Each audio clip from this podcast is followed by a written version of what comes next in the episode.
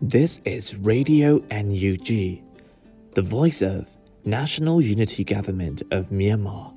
broadcasting for Myanmar Spring Revolution. Radio NUG is transmitting from shortwave 16 meter 17.71 megahertz at 8 a.m. and 25 meter 11.965 megahertz at 8 p.m. Myanmar Standard Time. မင်္ဂလာပါခင်ဗျာအမျိုးသားညီညွတ်ရေးအစိုးရရဲ့အတန်လွင့်ဌာန Radio NUG ကိုမနက်၈နာရီမှလိုင်းတို16မီတာ7.3 MHz ညပိုင်း၈နာရီမှလိုင်းတို25မီတာ17.665 MHz တို့မှာဓာတ်ရိုက်ဖမ်းယူနားဆင်နိုင်ပါပြီမင်္ဂလာအပေါင်းနဲ့ပြည့်စုံကြပါစေအခုချိန်ကစပြီး Radio NUG အစီအစဉ်တွေကိုဓာတ်ရိုက်အတန်လွှင့်ပေးနေပါပြီ။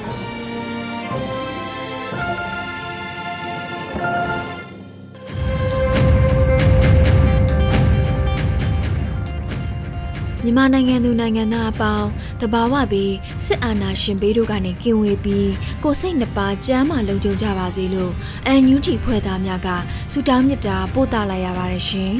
။အခုချိန်မှစပြီးကာကွယ်ဝင်ကြီးဌာနမှထုတ်ပြန်သောစစ်ရေးတရေအကျဉ်းချုပ်ကိုကိုຫນွေဦးအလင်ကမှတင်ဆက်ပေးမှာဖြစ်ပါတယ်ရှင်။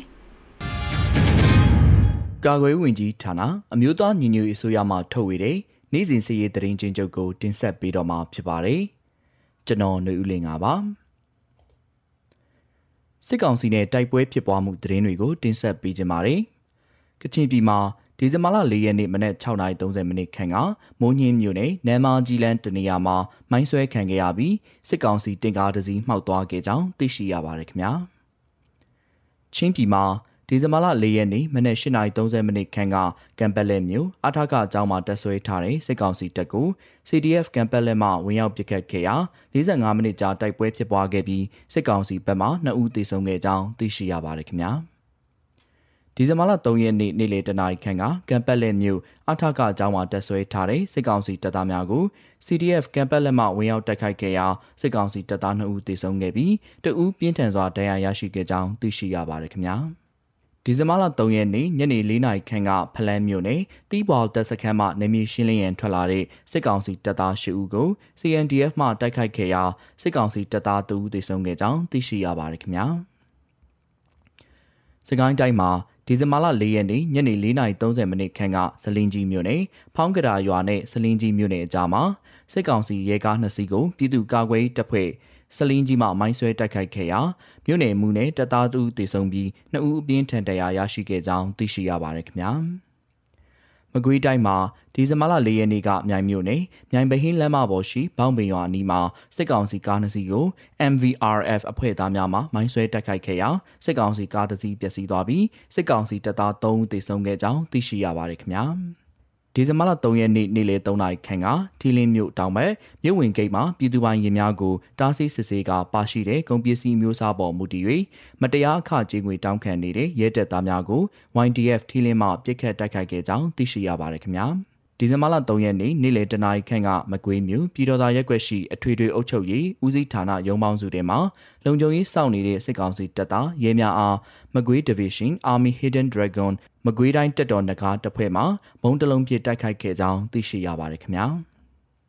န္တလေးတိုင်းမှာဒီဇင်ဘာလ၄ရက်နေ့မနက်9:00နာရီခန့်ကနထိုးကြီးမြို့နယ်ပဲကြီးကင်းကျေးရွာအနီးဒေသခံပြည်သူ့ကာကွယ်ရေးတပ်ဖွဲ့ဝင်များခေါအောင်နေတယ်လို့သတင်းရရှိပြီးလာတဲ့စစ်ကောင်စီကားအကြီး2စီးအရက်ကား2စီးကိုဒေသခံပြည်သူ့ကာကွယ်ရေးတပ်ဖွဲ့များမှမိုင်းဆွဲတိုက်ခိုက်ခဲ့ပြီးစစ်ကောင်စီ9ဦးသေဆုံးက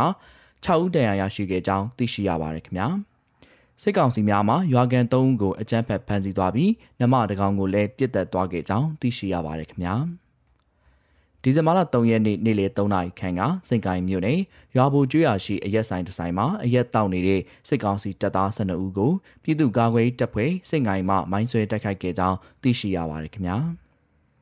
တနင်္သာရီတိုင်းမှာဒီဇင်ဘာလ3ရက်ညနေပိုင်းကပလောမြို့နယ်မှာစစ်ကောင်စီတပ်များနဲ့ပလောဒေသကာကွယ်တပ်ဖွဲ့ PRDF နဲ့ပြည်သူ့ကာကွယ်အဖွဲ့ပလောပူးပေါင်းတပ်များအကြားတိုက်ပွဲဖြစ်ပွားခဲ့ပြီးစစ်ကောင်စီတပ်သား၄ဦးဒဏ်ရာရရှိခဲ့ကြောင်းသိရှိရပါတယ်ခင်ဗျာ။ စစ်ကောင်စီမှကျူးလွန်တဲ့ရာဇဝတ်မှုတွေကိုတင်ဆက်ပေးကြပါတယ်။ချင်းပြည်မှာဒီဇင်ဘာလ၄ရက်နေ့မနက်9:00နာရီခန့်ကထန်တလန်မြို့ကိုစစ်ကောင်စီတပ်မှဆယ်ကြိမ်မြောက်မိရှို့ခဲ့ရာ United Pentecostal Church UPC ဖျားကျောင်းမိလောင်ကျွမ်းခဲ့ကြောင်းသိရှိရပါတယ်ခင်ဗျာ ဒီဇင်ဘာလ3ရက်နေ့ကထန်တလန်မြို့မှာကြံခဲ့တဲ့ပစ္စည်းယူရန်ကစ်တာပြန်သွားတဲ့မရာချယ်နဲ့အမျိုးသားနှုတ်ကိုစစ်ကောင်စီတပ်မှတနက်ပြစ်ပစ်ခတ်ခဲ့ရာမရာချယ်ဝမ်ဘိုက်မှာကြီးထိမှန်ခဲ့ပြီးဒဏ်ရာပြင်းထန်စွာရရှိခဲ့ကြောင်းသိရှိရပါတယ်ခင်ဗျာ။မွန်ပြည်မှာဒီဇင်ဘာလ၄ရက်နေ့ကရေးမြို့နယ်နဲ့တံပြူစရဲမြို့နယ်ကြားရှိအေးတာယာရွာမှာစစ်ကောင်စီများမှရွာသား9ဦးထက်မနည်းပေါ်တာဆွဲသွားခဲ့ကြောင်းသိရှိရပါတယ်ခင်ဗျာ။ ရခိုင်ပြည်မှာဒီဇင်ဘာလ3ရက်နေ့မနေ့ပိုင်းကကြောက်ဖြူမြို့မှာပြည်သူ့ကာကွယ်တပ်ဖွဲ့ PDF များကိုငွေကြေးထောက်ပံ့နေသည်ဟုဆိုကာကျောင်းသူတဦးဖြစ်တဲ့အသက်22နှစ်အရွယ်မအေးမြင့်မြတ်အောင်အား၎င်း၏နေအိမ်မှာရဲနေစစ်သားများမှဖမ်းဆီးသွားခဲ့ပြီးလက်ရှိမှာအကြမ်းဖက်တိုက်ဖြတ်ရေးဥပဒေပုံမှာ90ညနဲ့အမှုဖွင့်ထားပြီးကြောက်ဖြူကျင်းထောင်မှာထိန်းသိမ်းထားကြောင်းသိရှိရပါတယ်ခင်ဗျာ။ စကိုင်းတိုင်းမှာဒီဇင်ဘာလ၄ရက်နေ့မနက်ပိုင်းကအရတော်မြို့နယ်ကန်ဆယ်ကျွာကိုစစ်ကောင်စီတပ်အင်အား30ခန့်ဝင်ရောက်လာပြီးလူနေအိမ်လေးလုံးဖျက်ဆီးခံခဲ့ရကပြည်သူများဘေးလွတ်ရာကိုတိမ်းရှောင်နေရကြောင်းသိရှိရပါတယ်ခင်ဗျာဒီဇင်ဘာလ၄ရက်နေ့နေ့လယ်2:30မိနစ်ခန့်ကစကိုင်းမြို့အုပ်ဆက်ရက်မှနေအိမ်တစ်လုံးချင်းစုရက်မှနေအိမ်တစ်လုံးစုစုပေါင်းပြည်သူပိုင်းနေအိမ်နှလုံးအားစစ်ကောင်စီမှချိတ်ပိတ်ခဲ့ကြောင်းသိရှိရပါတယ်ခင်ဗျာ။ ဒီဇင်ဘာလ၄ရက်နေ့မနက်၈ :30 မိနစ်ခန့်ကကလေးမြို့နယ်မြောက်စီးရွာမှာရောက်ရှိနေတဲ့စစ်ကောင်စီတပ်များကနှအင်းရွာသို့လက်နက်ကြီးများဖြင့်ပစ်ခတ်ခဲ့ပါတယ်။နှအင်းရွာနဲ့စင်ရွာအကြားမှာလေတော်မှာနွားတကောင်ကိုတပ်စားပြီးအိတ်ဆက်နေတဲ့စစ်ကောင်စီတပ်များကလည်းစင်ရွာမှလူနေအိမ်ကြီး၅လုံးစံဆက်စပားတိုင်းနဲ့မိရှို့ပျက်စီးသွားခဲ့ကြောင်းသိရှိရပါတယ်ခင်ဗျာ။ ဒီဇင်ဘာလ၄ရက်နေ့မနက်ပိုင်းကတပရင်းမြို့နယ်အင်ပုတ်ရွာအနောက်ဘက်9မိုင်ခွဲခန့်အကွာရှိရာတဲများကိုစစ်ကောင်စီတပ်သားများမှမိရှို့ခဲ့ကြောင်းသိရှိရပါတယ်ခင်ဗျာဒီဇင်ဘာလ3ရက်နေ့ကကမ်ဘလူမြို့နယ်တင်ကုတ်ကြီးကျွော်မှာစစ်ကောင်စီလက်အောက်ခံပြူစောတိများရဲ့လက်ချက်နဲ့ဘကတာចောင်းသားဟောင်းကိုနှင်းအောင်ကြာဆုံးခဲ့ကြောင်းသိရှိရပါတယ်ခင်ဗျာ။ မန္တလေးတိုင်းမှာဒီဇင်ဘာလ3ရက်နေ့ကစင်ကူမြို့နယ်အေယာဝတီမြစ်ပေးရှိရွာများဖြစ်ကြတဲ့ကြားဥယင်ကျွရွာတာယာဝတီကျွရွာများစိမ်းကျွရွာများမှာစစ်ကောင်စီကကြားဥယင်အုပ်ချုပ်ရေးမှုဦးဆောင်ကဆက်လီတစည်းလင်3000ကျပ်နှုန်းအခွန်အတင်းအကျပ်ကောက်ခံနေကြောင်းသိရှိရပါတယ်ခင်ဗျာ။ ဒီဇင်ဘာလ3ရက်နေ့ညနေပိုင်းကစင်ကူမြို့နယ်ရက်ကွက်တင်နေအောင်မြေသာဆန်မြို့နယ်ဒုတိယမြို့နယ်ပညာရေးမှူးဦးဝင်းထွေရဲ့ဖခင်ဖြစ်သူဦးကျော်မြိုင်68နှစ်ကိုအကြမ်းဖက်စစ်ကောင်စီများမှဝင်ရောက်ဖမ်းဆီးသွားခဲ့ကြောင်းသိရှိရပါတယ်ခင်ဗျာဒီဇင်ဘာလ3ရက်နေ့ကစင်ကူမြို့နယ်တောင်ရင်ကျေးရွာထိပ်မှာစစ်ကောင်စီကအုပ်ချုပ်ရေးမှုနဲ့ပြူစောထီများမှတူမီတက်နက်များကင်ဆောင်ပြီးခီးသွွားပြည်သူများကိုအကြမ်းဖက်ချင်းချောက်ဆဲဆုံမှုများပြုလုပ်ခဲ့ကြောင်းသိရှိရပါတယ်ခင်ဗျာ။ ဒီဇင်ဘာလ3ရက်နေ့ညနေပိုင်းကမိုးကုံမြို့နယ်ရေပေါက်တရာရက်ကွက်ရှိကြောက်မြတ်ဒူဖော်ရေးလုပ်ငန်းခွင်တစ်ခုကိုစစ်ကောင်စီလက်နက်ကိုင်များမှအင်အားအလုံးရင်းဖြင့်ဝင်ရောက်စီးနင်းပစ်ခတ်ရာဒေသခံ2ဦးကြီးထိမှန်တရားရရှိခဲ့ပြီးစုစုပေါင်း9ဦးကိုရိုက်နှက်ဖမ်းဆီးသွားခဲ့ကြောင်းသိရှိရပါတယ်ခင်ဗျာဒီဇင်ဘာလ3ရက်နေ့ကမြင်းကျန်မြို့နယ်နဘူးအိုင်ကျေးရွာပုပ္ပယုံဖုံးတော်ကြီးကျောင်းမှာကျောင်းထိုင်ဆရာတော်ကိုအကြမ်းဖက်စစ်ကောင်စီများမှဖမ်းဆီးသွားခဲ့ကြောင်းသိရှိရပါတယ်ခင်ဗျာ။ ဒီဇင်ဘာလ3ရက်နေ့ကမြင်းချံမြို့နယ်အထာကနဲ့ကျောင်းရှိမှာစစ်ဆေးနေတဲ့စစ်ကောင်စီများမှဆိုင်ကယ်အမြန်မောင်းနေသည်ဟုဆိုကပြည်သူအချို့ကိုအကြမ်းဖက်ရိုက်နှက်ခဲ့ကြောင်းသိရှိရပါတယ်ခင်ဗျာဒီဇင်ဘာလ3ရက်နေ့ကမြင်းကြံမြို့နယ်ရွာရှိကျွရရှိစစ်ကောင်စီကကျွရအုပ်ချုပ်ရေးမှုများမှနေအိမ်မှာတက်ဆင်ထားတဲ့ PSI စလောင်းများကိုဖြုတ်ရန်နဲ့မဖြုတ်ပါကထောင်ဒဏ်9နှစ်သို့မဟုတ်ဒဏ်ငွေ9သိန်းကျပ်ဆောင်ရမယ်လို့ကြေညာချင်းချောက်ခဲ့ကြောင်းသိရှိရပါတယ်ခင်ဗျာ။ ရန်ကုန်တိုင်းမှာဒီဇင်ဘာလ၄ရက်နေ့ကတန်လင်းမြို့ရေကြောင်းတက္ကသိုလ်နီးရှိနေအိမ်တချို့နဲ့အစာအုပ်တချို့အားစစ်ကောင်စီမှအင်အားအများပြားဖြင့်အကြမ်းဖက်ဖြိုဖျက်နေကြောင်းသိရှိရပါတယ်ခင်ဗျာဒီဇင်ဘာလ၄ရက်နေ့မနက်3:35မိနစ်ခန့်ကလိုင်းမြို့နယ်9ရက်ကွယ်မြကန်တာအင်ယာခရီလေးလန်းတဲမှာမုတ်ဆိုင်ပိုင်ရှင်လင်မယားနှစ်ဦးကိုစစ်ကောင်စီများမှလာရောက်ဖမ်းဆီးသွားခဲ့ကြောင်းသိရှိရပါတယ်ခင်ဗျာ။ တနင်္သာရီတိုင်းမှာဒီဇင်ဘာလ3ရက်နေ့မနက်ပိုင်းကရေပြူမြို့နယ်စင်သေးရွာသို့စစ်ကောင်စီများရောက်ရှိလာပြီး NLD ပါတီဝင်နေတချို့နဲ့ဒေသခံနေတချို့ကိုဝင်ရောက်ရှာဖွေခဲ့ပြီးအသက်80ကျော်အရွယ်ရှိတဲ့ဦးကြည်လွင်နဲ့တမတ်ဖြစ်သူ CDN ဝန်ထမ်းတဦးတို့ကိုလည်းဖမ်းဆီးခေါ်ဆောင်သွားခဲ့ကြောင်းသိရှိရပါတယ်ခင်ဗျာရေဒီယို NUG မှာဆက်လက်အသံလွှင့်နေပါတယ်။အခုဆက်လက်ပြီးပြည်တွင်းသတင်းများကိုຫນွေဦးနှင်းစီမှတင်ဆက်ပေးမှာဖြစ်ပါတယ်ရှင်။ အခုချိန်ကစပြီးဒီဇင်ဘာလ၄ရက်နေ့ရပြည်တွင်းသတင်းများကို တင်ဆက်ပေးမှာဖြစ်ပါတယ်ရှင်။ပထမဦးစွာတရုတ်မြန်မာနယ်စပ်ကုန်သွယ်ရေးဖွင့်လှစ်ပြီးနောက်မြေရှားသတ္တုရဲအပ်တင်ပို့မှုပြည်လဲစတင်တဲ့သတင်းကိုတင်ဆက်ပေးပါမယ်။ နိုဝင်ဘာလနှောင်းပိုင်းမှာတရုတ်မြန်မာနယ်စပ်ကုန်သွယ်ရေးဂိတ်များပြန်လည်ဖွင့်လှစ်ခဲ့ပြီးနောက်မြန်မာနိုင်ငံကထွက်ရှိတဲ့ Rare Earth မြေရှားသတ္တုတရုတ်နိုင်ငံကိုပြန်လည်တင်ပို့နိုင်ခဲ့ကြောင်းသတင်းအမြစ်တွေရဲ့ပြောကြားချက်ကိုကိုးကားပြီးတရုတ်အစိုးရပိုင်း Global Times သတင်းဌာနမှဖော်ပြထားပါတယ်။ တရုတ်ရဲ့ကာဗွန်ထုတ်လုပ်မှုလျှော့ချရေးအပေါ်အာရုံစိုက်မှုကြောင့်ရေရှည်မှာဈေးနှုန်းမြင့်တက်လာဖွယ်ရှိနေတော့လေလက်ရှိနယ်စပ်ကတင်ပို့နိုင်မှုကြောင့်တရုတ်နိုင်ငံမှာရှားပါးတတုဈေးနှုန်းများတက်တာနိုင်ဖွယ်ရှိကြောင်းလေ့လာသူတွေကပြောကြပါတယ်တရုတ်မြန်မာနယ်စပ်ဂိတ်ပေါက်တွေမှာလအတန်ကြာပိတ်မိနေတဲ့မြန်မာနိုင်ငံကမြေရှားတပ်တူများရဲ့အကောက်အခွန်ဆိုင်ရာရှင်းလင်းရေးလုပ်ငန်းတွေကိုနိုဝင်ဘာလကုန်မှာစတင်နိုင်ခဲ့တယ်လို့တရုတ်ပြည်တောင်ပိုင်းကျန်ရှိပြည်နယ်မှာရှိတဲ့ကမ်ပဏီတာဝန်ခံတဦးကပြောပါတယ် ကွမ်ကျိုးမြို့တဲကိုနေ့စဉ်ရှားပါသတ္တုတင်ဆောင်လာတဲ့ထရက်ကားတွေဝင်ရောက်နေတယ်လို့သူကပြောကြားပြီးနေဆက်ကုန်သွယ်ရေးစုံတွေမှာရှားပါသတ္တုတန်ချိန်3000မှ4000ခန့်အထိစုပုံခဲ့တယ်လို့ဆိုပါတယ်တရုတ်အနေနဲ့မြန်မာနိုင်ငံကထွက်ရှိတဲ့မြေရှားသတ္တုကိုမိခိုနေရတာကြောင့်နှစ်နိုင်ငံနယ်စပ်ကုန်သွယ်ရေးပြန်လည်စတင်ခြင်းကရဲအပ်အသုံးပြုနေရတဲ့စက်မှုလုပ်ငန်းများပြန်လည်စတင်နိုင်ဖို့စိတ်အားထက်သန်မှုကိုထင်ဟပ်စေတယ်လို့ကျွမ်းကျင်သူတွေကဆိုပါတယ်။ တရုတ်ကအသုံးပြုနေတဲ့ dysprasia နဲ့ trabian ကဲ့သို့ရွေးအစားကြီးမားတဲ့မြေရှားသတ္တုထဝက်ခံကမြန်မာနိုင်ငံကထွက်ရှိနေတယ်လို့ Independent Rare Earth Industry ရဲ့လေ့လာသုံးသပ်သူ Wu Changhui က Global Times ကိုကြာသပတေးနေ့မှာပြောကြားခဲ့ပါတယ်ရှင်။ပေါမြို့နယ်မှာစစ်ကောင်စီတပ်ဖွဲ့ကကြေးရွာသားအချို့ကိုအမည်မသိဆေးတွေထိုးပြီးပြန်လွှတ်တဲ့တဲ့ရင်ကိုဆက်လက်တင်ဆက်ပေးပါမယ်။မကွေးတိုင်းပေါမြို့နယ် လေယာကျေးရွာကဒေသခံပြည်သူအချို့ကိုစစ်ကောင်စီတပ်ဖွဲ့ဝင်တွေကဖမ်းဆီးခေါ်ဆောင်သွားပြီးအမည်မသိရတဲ့ဆေးတွေထိုးနှံပေးပြီးပြန်လွှတ်ပေးခဲ့တယ်လို့ဒေသခံတွေကပြောပါတယ်။ပေါင်းမြို့နယ်တောင်ပိုင်းကလေယာကျေးရွာအနီးမှာဒေသခံပြည်သူ10ဦးနီးပါးကိုဒီဇင်ဘာလ2ရက်နေ့မနက်ပိုင်းကဖမ်းဆီးခေါ်ဆောင်သွားပြီးစစ်ဆေးမေးမြန်းမှုတွေပြုလုပ်အပြီးမှာအခုလိုထိုးနှံပေးလိုက်တာပဲဖြစ်ပါတယ်။ ဒီဇင်ဘာလ၁ရက်နေ့ကတည်းကစစ်ကောင်စီတပ်တွေကရွာထဲဝင်မှွေနေတာဗျ။မနေ့ကတော့တောင်သူသွားလုံနေတဲ့သူတွေကိုလမ်းပေါ်မှာဖမ်းပြီးဘာစိမှတ်မသိတဲ့ဆေးတွေထိုးပြီးပြန်လွှတ်လိုက်တယ်။ကျွန်တော်တို့ဆိုရင်တာကအဲ့ဒီဆေးတွေကယောဂပိုးတွေဖြစ်နေမှာဆိုတာပဲလို့အမည်မဖော်လို့တဲ့ဒေသခံတူကပြောပါတယ်။ပေါင်းမြို့နယ်တောင်ပိုင်းကိုစစ်ကောင်စီတပ်တွေကနိုဝင်ဘာလ29ကလေးကအင်အားအလုံးရင်းနဲ့စစ်ကြောင်းထိုးဝင်ရောက်ခဲ့တာဖြစ်ပြီးလဲရတဇူကင်းမစတဲ့ရွာတွေမှာတက်ဆွဲထားတယ်လို့သိရပါတယ်။ ပြူစောထီးတွေရောစစ်ကောင်စီတပ်တွေရောအများကြီးပဲဗျအရက်ဝတ်နဲ့ RPG တွေထမ်းပြီးရှောက်သွားနေကြတာရန်တမ်းပစ်တာတွေလည်းလုပ်တယ်အဖမ်းခံရတဲ့သူတွေလည်းရှိနေတယ်အခုတော့ဒေသခံတွေကရှောင်နေရတာပေါ့ဗျာလို့ဒေသခံတူကဆိုပါတယ်စစ်ကောင်စီတပ်ဖွဲ့ဝင်အင်အား150နီးပါးဝင်ရောက်တက်ဆွဲထားတဲ့ကင်းမချီရွာဟာပြီးခဲ့တဲ့ဇွန်လအတွင်းမှာတရွာလုံးကျွမိရှုဖျက်ဆီးခံရတဲ့နေရာတစ်ခုဖြစ်ပြီးတရွာဒေသခံပြည်သူတွေဟာလက်ရှိအချိန်ထိထွက်ပြေးတိမ်းရှောင်နေရတာပါရှင်။ တောင်ကြီးမြို့နယ်တွင်ဒီဇင်ဘာလ3ရက်ကြာကာလအတွင်း COVID-19 ပိုးရှိသူ82ဦးတွေ့ရှိခဲ့တဲ့သတင်းကိုတင်ဆက်ပေးပါမယ်။တောင်ကြီးမြို့နယ်တွင်ဒီဇင်ဘာလ1ရက်မှ3ရက်အထိ3ရက်ကြာကာလအတွင်း COVID-19 ပိုးရှိသူစုစုပေါင်း82ဦးတွေ့ရှိခဲ့ကြောင်းသိရပါတယ်။ဒီဇင်ဘာလ1ရက်တွင်18ဦး၊2ရက်နေ့တွင်36ဦး၊3ရက်နေ့တွင်18ဦးစုစုပေါင်း82ဦးတွေ့ရှိခဲ့ခြင်းဖြစ်ပြီးပိုးတွေ့ရဂိုင်နှုန်းအနေဖြင့်4ရဂိုင်နှုန်းရှိသည်ဟုသိရပါတယ်။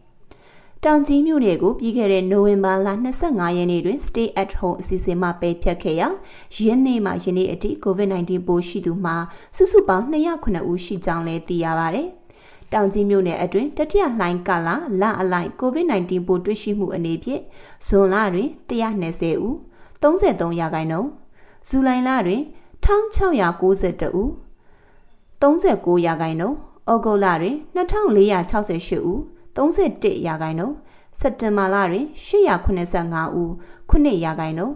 အောက်တိုဘာလတွင်960ဦး6ရာခိုင်နှုန်းနိုဝင်ဘာလတွင်628ဦး3ရာခိုင်နှုန်းနဲ့ဒီဇင်ဘာလ3ရက်တာအတွင်း82ဦး4ရာခိုင်နှုန်းဖြစ်ကြောင်းသိရပါတယ်ရှင်။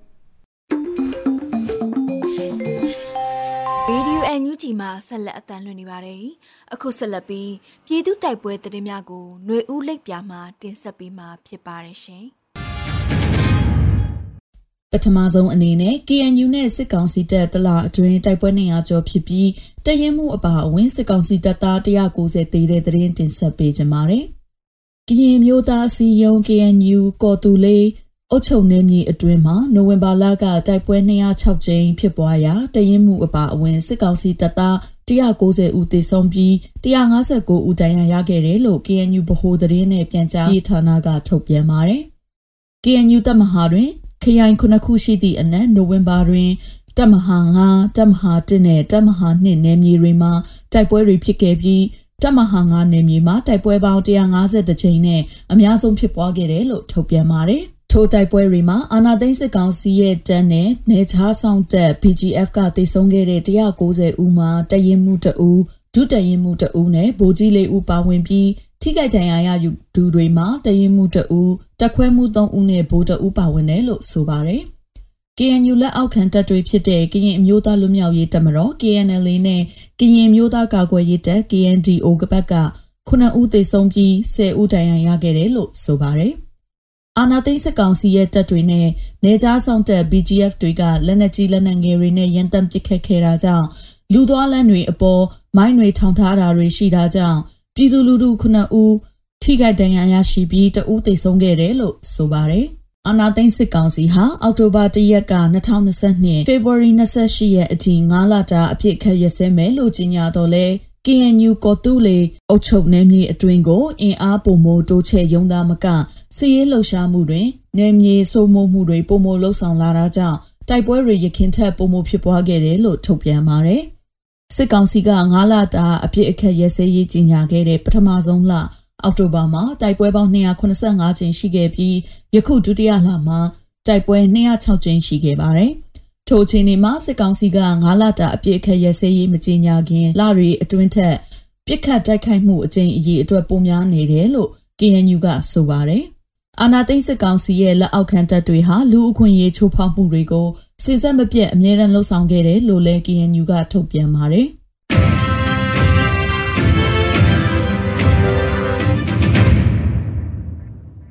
ဆက်လက်ပြီးကမ်ဘလူတွင်ရဲနစ်ပြူစောထီပူပေါင်းအဖွဲ့တိုက်ခိုက်ခံရလို့နှစ်ဦးသေဆုံးပြီးကိုဦးတန်ရရတဲ့တဲ့တင်ဆက်မှာပါ။စကိုင်းတိုင်းကမ်ဘလူမြို့နယ်တွင်ကမ်ဘလူကောလင်းကားလမ်းမပေါ်တွင်ငွေကြေးကောက်ခံနေသောရဲတပ်သားများကိုဒေသကာကွယ်ရေးတပ်ဖွဲ့ကတိုက်ခိုက်ရာ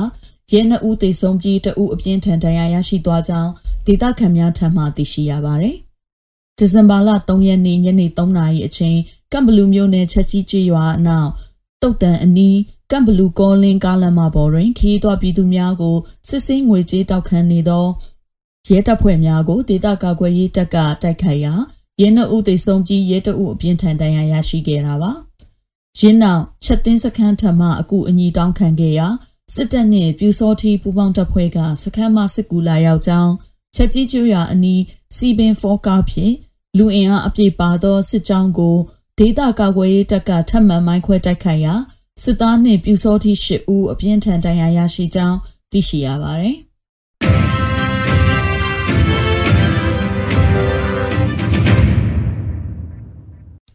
ဆက်ပြီးတင်ဆက်မှာကတော့ကံပတ်လက်တွင်စစ်တပ်အထိုင်စခန်းကို CTF ဝင်ပြစ်မှုစစ်သား2ဦးသေပြီး2ဦးဒဏ်ရာပြင်းထန်တဲ့တဲ့မှာ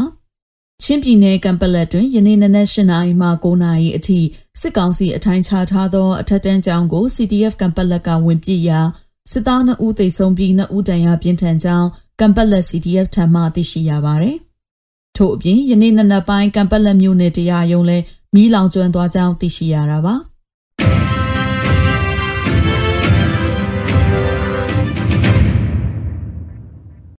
ဆက်လက်ပြီးကလေးမျိုးတွင် PDF စခန်းသိမ်းရန်လာသောစစ်တပ်မိုင်းခွဲခံရမှုကြောင့်စစ်သား3ဦးပွဲချင်းပြီးသေဆုံးပြီးနောက်ဒဏ်ရာရ စစ်သား9ဦးထပ်မံသေဆုံးခဲ့တဲ့သတင်းတင်ဆက်ပေးမှာပါ။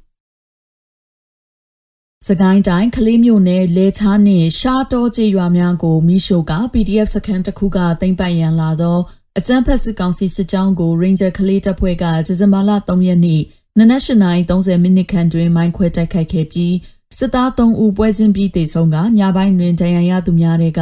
စစ်သား9ဦးထပ်မံသေဆုံးခဲ့ကြောင်း Ranger ကလေးတပ်ဖွဲ့မှသိရှိရပါသည် အဆိုပါဒဏ်ရာရရှိပြီးတေဆုံးသူစစ်သား9ဦးကိုမြောက်စီရဲစခန်းကသုံးဘိန်းဆိုင်ကဖြင့်ခုံသုံးမြို့သားတုတ်တန်းတွင်ဒီဇင်ဘာလ3ရက်နေ့ည10:00နာရီခန့်၌တွားရောက်တကြိုခဲ့ပြီးကြံထိခိုက်ဒဏ်ရာရရှိသူ23ဦးတွင်လည်းအသက်အန္တရာယ်ဆိုးရိမ်သူများပါဝင်ကြောင်း Ranger ကလေးတပ်ဖွဲ့၏ထုတ်ပြန်ချက်အရသိရှိရတာပါ။ရင်းအကြမ်းဖက်စစ်ကောင်စီတပ်ဖွဲ့များသည်ဒလန်လမ်းပြဦးဆောင်မှုဖြင့်စစ်ကြောင်း၃ကြောင်းအင်အား120ကျော်ခန့်ဖြင့် Ranger တကလေး Defense Force အဖွဲ့စခန်းကိုတင်ပိုင်ရန်ချီတက်လာစဉ် Ranger ကလေးတပ်ဖွဲ့ကကြိုတင်သတင်းရရှိသည့်အတွက်ဖောက်ခွဲတိုက်ခိုက်ခဲ့ခြင်းဖြစ်ပြီး Ranger ကလေးတပ်ဖွဲ့ဝင်များဖမ်းဆီးတိုက်ခိုက်ထိခိုက်မှုမရှိဘဲဆုတ်ခွာနိုင်ခဲ့ကြောင်းသိရှိရပါတယ်။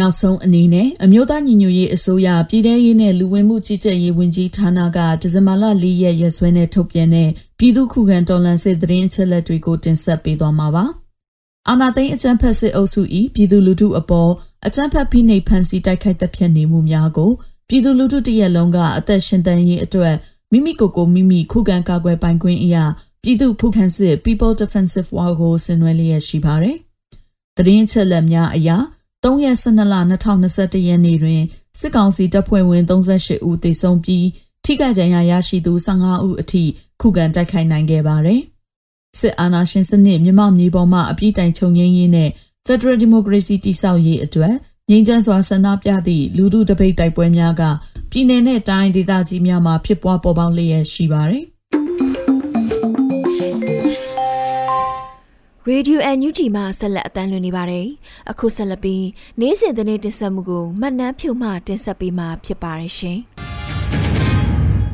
အလလုတ်ချင်းနဲ့စီဒန်တက်မတော်သားနဲ့ရဲအချို့အတွက် NUG ကအလုတ်စတင်ဖန်တီးပေးသလိုတော်လန်ရဲမှာပြန်လည်ပါဝင်လူသူများအတွက်စီစဉ်ဆောင်ရွက်လျက်ရှိတဲ့တဲ့တင်ကိုတင်ဆက်ပေးချင်ပါတယ်။ CDN လှုပ်ပြီးပြည်သူနဲ့ပူးပေါင်းလာတဲ့တက်မတော်သားတွေနဲ့ရဲတပ်သားတွေအနက်အချို့ကအလလုတ်ချင်းကြတဲ့အတွက်တော်လန်ရဲကိုအကူအညီဖြစ်စေမဲ့အလုံမျိုးတွေစတင်ဖန်တီးပေးနေတယ်လို့ပြည်သူ့ရင်ခွင်ကော်မတီအတွင်းရေးမှူးအဖွဲ့ကပြောပါတယ်။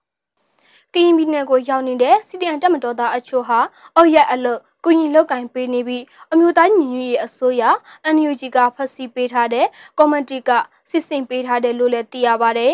။အမျိုးသားညီညွတ်ရေးအတိုင်းပင်ခံကောင်စီ NUCC မှကောင်းဆောင်တဦးကလည်း CDN တွေဟာထိုင်စားရမှာအာဏာကြတဲ့ဒါကြောင့်လောက်အားပေးနေကြတာသူတို့ကိုလက်ခံထားတဲ့စခန်းတွေကအလုတ်ရှိအောင်ဝိုင်းစာပေးနေကြတာလို့လည်းသိရပါတယ်။ စစ်တပ်ကအာဏာသိမ်းပြီးပြည်သူတွေကိုအကြမ်းဖက်တပ်ဖြတ်မှုတွေပြုလုပ်ပြီးနောက်ပြည်သူ့ဘက်ရက်တီဖို့ဆက်သွယ်လာတဲ့စီဒီအန်တပ်မတော်သားနဲ့ရဲတပ်သားတထောင်ကျော်စီနေပြီလို့လည်းသိရပါဗျ။အခုလလောဆဲမှာစင်ကောက်ခံရရှိသမျှကိုစားတော့စရဲတဦးလင်တလ၄တောင်ထောက်ပံ့ပေးနေတယ်လို့အခြားအရေးပေါ်လိုအပ်ချက်တွေအတွက်လည်းထောက်ပံ့ပေးနေတယ်လို့ဆိုပါတယ်။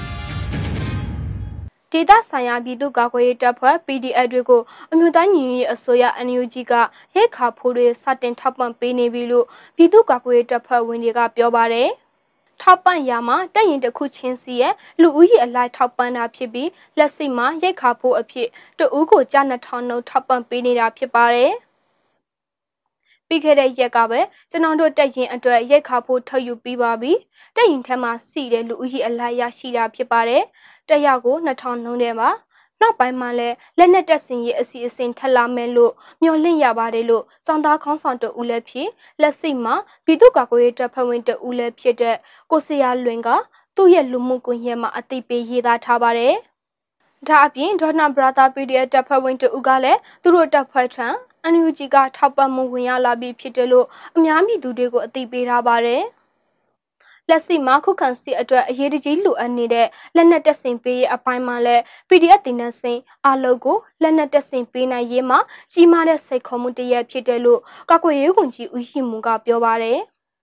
အဲ့ဒီတော့အခုလက်နက်တက်ဆင်နိုင်မှုဆိုတာကရန်ပုံငွေရရှိမှုနဲ့ပဲတိုက်ရိုက်သက်ဆိုင်ပါတယ်။ရန်ပုံငွေကခွင့်ပြုသလောက်ရနိုင်သမျှလက်နက်တွေကိုကျွန်တော်တို့ဦးစားပေးအစီအစဉ်အတိုင်းတက်ဆင်ပေးနေတယ်လို့ပဲပြောချင်ပါတယ်ဟုသူကပြောပါတယ်။ အန်ယူဂျီကရရှိထားတဲ့စည်ရင်းတွေအရလက်စီမှာပြည်သူ့ကာကွယ်ရေးတပ်ဖွဲ့ဝင်တွေနိုင်ငံအနှံ့အပြားမှာတိုက်ပွဲဝင်နေကြပြီးပုံစံ၃မျိုးဖြစ်တည်ရှိနေပါတယ်။တပ်မတော်တရက်အနေနဲ့ပြည်သူ့ကာကွယ်ရေးတပ်ဖွဲ့ PDF မြို့နယ်အလိုက်ဖက်စီထားတဲ့ပြည်သူ့ကာကွယ်ရေးအဖွဲ့ပါကဖာနဲ့လူငယ်တွေအစုအဖွဲ့အလိုက်လှုပ်ရှားနေတဲ့အဖွဲ့တို့ဖြစ်ပါတယ်။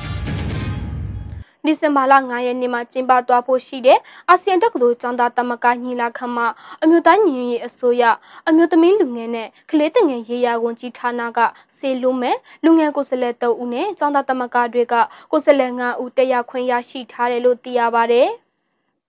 လက်စစ်အာဆီယံတက္ကသိုလ်ကျောင်းသားသမဂ္ဂမှရတနာပေါ်တက္ကသိုလ်ကျောင်းသားများသမဂ္ဂရတကတအဖွဲ့ဝင်ကဒုတိယဥက္ကဋ္ဌရာထူးကိုရထားတာဖြစ်ပြီးမြန်မာပြည်သူတွေရွေးချယ်တင်မြှောက်ထားတဲ့အမျိုးသားညီညွတ်ရေးအစိုးရရဲ့အမျိုးသမီးလူငယ်နဲ့ကလေးငယ်ရေးရာဝန်ကြီးဌာနကိုဆက်သွယ်ဖိတ်ကြားဖို့တိုက်တွန်းမှုကြောင့်အခုလိုတရားခွင့်ရရှိခဲ့တာလို့ရတနာပုတ်တက္ကသိုလ်ကျောင်းသားများသမဂ္ဂတော်လန်ရေးဦးဆောင်ကော်မတီကပြောပါတယ် ညီလာခံမှာကျောင်းသားအချင်းချင်းရင်းနှီးမှုကနေဆက်ပြီးစနောင်တို့နိုင်ငံမှာတော့စစ်အာဏာသိမ်းမှုကြောင့်ကျောင်းသားပြည်သူတွေအပေါ်မှာကြားရောက်နေတဲ့လူအခွင့်အရေးချိုးဖောက်မှုတွေကိုဖော်ထုတ်တင်ပြသွားမယ်လို့ပြောပါတယ်။ ရတနာပိုတက္ကသိုလ်ကျောင်းသားများတမကအနေနဲ့ပြည်သူကိုစားမှုတက်ချင်းဖြစ်တာကြောင့်ပြည်သူအတန်ပဲပတ်တင်ထက်သွားမှဖြစ်ကြောင်းအာဆီယံရဲ့ခြေလှမ်းတွေကိုအမြဲစောင့်ကြည့်နေကစစ်ကောင်စီကိုအတိအမဲ့ပြုလာဖို့ကြိုးစားမယ်။ဘယ်အဖွဲ့အစည်းလူပုဂ္ဂိုလ်ကိုမဆိုပြပြင်းထန်ထန်ဆက်ကျင်တုံ့ပြန်သွားဖို့ရှိတယ်လို့လည်းထပ်သွင်းကြေညာထားတာတွေ့ရပါတယ်။ မြန်မာနိုင်ငံမှာအကြံဖက်စစ်တပ်ကအာဏာသိမ်းပြီးနောက်လုပ်ငန်းခွင်တွေအတွင်းအကြံဖက်မှုတိုးမြင့်လာနေကြောင်းနဲ့ဒီလိုပြုလုပ်နေတဲ့လုပ်ငန်းစဉ်တွေကိုတားဆီးအရေးယူရမှာဖြစ်တယ်လို့အပြည်ပြည်ဆိုင်ရာအလုပ်သမားအဖွဲ့ချုပ်ကတိုက်တွန်းလိုက်ပါတယ်။ကုလသမဂ္ဂအတွင်းရေးမှူးချုပ်ပြည်ရေးဆိုခွင့်စီသူစတီဖန်နီဒူဂျာရီအပတ်စဉ်ပြုလုပ်နေကြသတင်းစာစင်လင်းပွဲကိုဒီဇင်ဘာ3ရက်ကပြုလုပ်ခဲ့ရမှာထပ်သွင်းပြောကြားခဲ့ခြင်းဖြစ်ပါတယ်။ ILO ကလက်ခံရရှိထားတဲ့တည်င်းအချက်အလက်တွေအရဆိုရင်မြန်မာနိုင်ငံမှာဖေဖော်ဝါရီလအာဏာသိမ်းမှုဖြစ်စဉ်အပြီးကတည်းကလုပ်ငန်းခွင်တွေမှာအကြမ်းဖက်ခံရမှုတွေဖြစ်နေတဲ့ချိတ်ချမှုတွေနဲ့ကြုံတွေ့နေရပါတယ်။အလုတ်သမားတွေကိုအနောက်ဆက်ပေးမှုတွေရှိလာတယ်လို့စတီဖန်နင်ဒူဂျာရစ်ကပြောကြားခဲ့တာပါ။ အလုတ်သမားအခွင့်အရေးချိုးဖောက်မှုတွေဟာအလုတ်သမားတို့ရဲ့ကျန်းမာရေးလူကိုယ်တိုင်ခါနဲ့လုပ်ငန်းခွင့်အဆင်ပြေမှုတွေကိုထိခိုက်စေတယ်လို့အပြည်ပြည်ဆိုင်ရာအလုတ်သမားအဖွဲ့ချုပ်ကအစီရင်ခံစာမှာဖော်ပြထားပါတယ်အကြံဖက်စစ်တပ်ကအာဏာသိမ်းခဲ့ပြီးနောက်အကြံဖက်စစ်တပ်နဲ့နှိစက်တဲ့ဆက်ရုပ်အလုတ်ရုပ်ပိုင်စင်တွေအနေနဲ့အလုတ်သမားတွေအပေါ်အကြံဖက်ချိတ်ချမှုတွေစီလာကြောင်းအလုတ်သမားအရေးဆောင်ရွက်နေသူတွေကထောက်ပြထားတာလည်းဖြစ်ပါတယ်။ အခုနောက်ဆုံးအနေနဲ့မြန်မာနိုင်ငံတော်ဝန်ကလူမျိုးပေါင်းစုံဘာသာပေါင်းစုံပါဝင်တဲ့စစ်အာဏာရှင်အမြင့်ပြည့်ချေမုံရေးလူထုဆန္ဒပြပွဲသတင်းတွေကိုစုစည်းတင်ဆက်ပေးမှာဖြစ်ပါတယ်။စကိုင်းတိုင်းကလေးမျိုးကတော်လန်ပြည်သူတွေဟာဆရာနာရှင်ကိုစန့်ကျင်တော်လန်တဲ့ရက်ပေါင်း300ပြည့်အနေနဲ့မင်းတို့ဘလောက်မင်းဆူဆူတော်လန်ပန်းတွေပွင့်လန်းနေမဲ့ဆိုတဲ့ဆိုင်းပုံနဲ့အတူဖျောင်းတိုင်မင်းတွေထုံညစ်ကန်ဆောင်ပြီးချစ်တဲ့ဆန္ဒပြခဲ့ကြပါတယ်။ စကိုင်းတိုင်းဆွေဘုံမြို့နယ်ကြေးရွာတရွာကတော်လန်ပြည်သူတွေဟာ Federal Democracy ရစီရေးဖန်ဆီးထားတဲ့ចောင်းသားပြည်သူတွေပြန်လည်လွတ်မြောက်ရေးစစ်အာဏာရှင်ကြဆုပ်ရေးချီတက်ဆန္ဒပြခဲ့ကြပါတယ်။စကိုင်းတိုင်းဒေသကြီးစလင်းကြီးမြို့နယ်လက်ပတောင်တောင်ဒေသပိမတပိတ်စီကျောင်းနဲ့မုံရွာကျောင်းသားတမကစီကျောင်းတို့ပူးပေါင်းပြီးစစ်တုံးနေတဲ့လူအခွင့်အရေးတော်လန်ရေးနဲ့တိတ်ပိုက်ကြဆိုတဲ့စာတမ်းကိုကန်ဆောင်ပြီးချီတက်ဆန္ဒပြခဲ့ကြပါတယ်။ ကချင်ပြည်နယ်ဖားကမြို့တိုင်းသားလူမျိုးပေါင်းစုံတပိတ်စီကြောင်းကတော်လန်ပြည်သူတွေဟာပြည်သူလူထုကိုအကာအကွယ်ပေးနေတာ KIA နဲ့ PDF တပ်ဖွဲ့ဝင်တွေဖြစ်ပြီးအမျိုးကြီးအစိုးရဟာပြည်သူအစိုးရဖြစ်ကြောင်းကြွေးကြော်ပြီးစစ်အာဏာရှင်ကိုစန့်ကျင်ဆန္ဒပြခဲ့ကြပါတယ်။ စကိုင်းတိုင်းရင်းမပင်အရှိချမ်းနဲ့စလင်းကြီးမြောင်ချမ်းကတော်လန်ပြည်သူလူထုအများစုပါဝင်တဲ့တပိတ်စီကျောင်းဟာဓမ္မနဲ့အာဓမ္မအားပြိုင်မှုမှာပြည်သူရိတ်တဲ့ဘက်ကနိုင်ရမယ်ဆိုတဲ့စာတမ်းကိုကန်ဆောင်ပြီးစစ်အာဏာရှင်ကိုဆန့်ကျင်ဆန္ဒပြခဲ့ကြပါတယ်။စကိုင်းတိုင်းအနောက်မြောက်လွင်ပြင်ဒေသစလင်ကြီးမြို့နယ်ကတောင်သူတွေဟာမနက်ခင်းလေယာလုပ်ငန်းလုပ်ကိုင်းရင်စစ်အာဏာရှင်ကိုစန့်ကျင်တော်လှန်ခဲ့ကြပါတယ်။ မန္တလေးမြို့မဟာအောင်မြေစုပေါင်းတပိတ်စီချောင်းကကျောင်းသားထုနဲ့ပြည်သူလူထုအတူပူးပေါင်းပြီးငါတို့တိုင်းပြည်ငါတို့အနာကအတွက်ငါတို့ကိုယ်တိုင်တိုက်ပွဲဝင်မယ်ဆိုတဲ့စာတမ်းနဲ့အတူလူထုကိုမထီနဲ့မိန်ပွင့်သွားမယ်ဆိုတဲ့ကြွေးကြော်သံတွေတံပြိုင်အော်ပြီးချစ်တဲ့ဆန္ဒပြခဲ့ကြပါတယ်။ဒါကတော့ဒီဇင်ဘာလ၄ရက်နေ့နေ့လယ်နိုင်ချိန်ထိရရှိထားတဲ့စစ်အာဏာရှင်စံကျင်ရေးဆန္ဒပြပွဲသတင်းတွေကိုစုစည်းတင်ဆက်ပေးခဲ့တာဖြစ်ပါတယ်။ကျေးဇူးတင်ပါတယ်ရှင်။